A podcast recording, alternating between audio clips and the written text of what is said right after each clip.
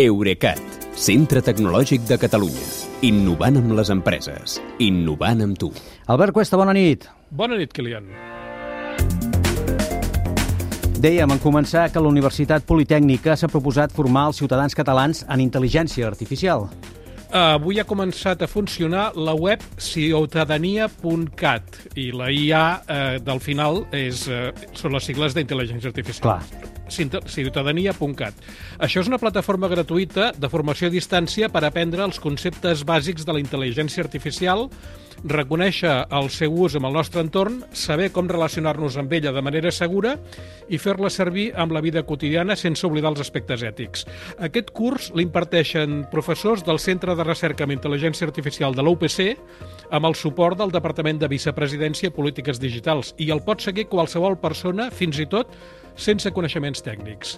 El programa són 30 hores repartides en 10 mòduls que introdueixen l'usuari amb les àrees del raonament automàtic, les dades, la lingüística computacional, el processament de la parla, la visió per computador, la robòtica, això aquí és allò que dèiem abans, uh -huh. els sistemes intel·ligents de suport a la presa de decisions, els sistemes intel·ligents distribuïts i l'ètica, un aspecte molt important, amb l'àmbit de la intel·ligència artificial.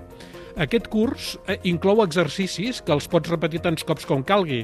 El pots seguir de manera anònima, però si t'inscrius a la plataforma eh, t'anirà guardant els teus resultats dels exercicis i al final et donarà una qualificació i un certificat de participació que l'atorguen la Facultat d'Informàtica de l'UPC i el seu Centre d'Intel·ligència Artificial.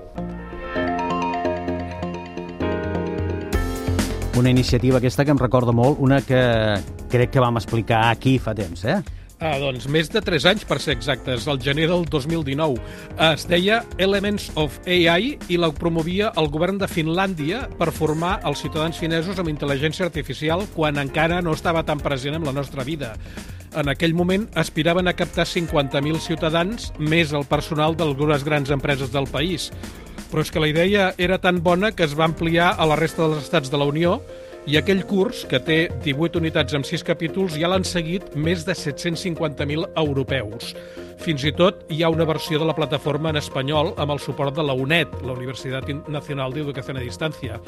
La gran novetat de la ciutadania.cat que l'UPC ha presentat avui és que està completament en català tant pel que fa al contingut com perquè agafa de referència casos pràctics d'aplicació d'intel·ligència artificial al nostre país.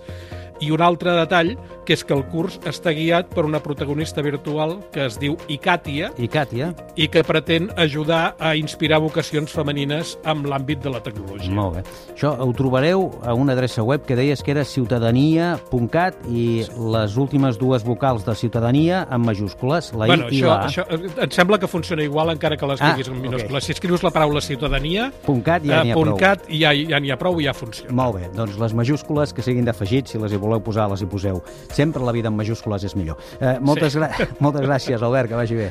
Bona nit, Kilian, fins demà. Eurecat, centre tecnològic de Catalunya. Innovant amb les empreses. Innovant amb tu.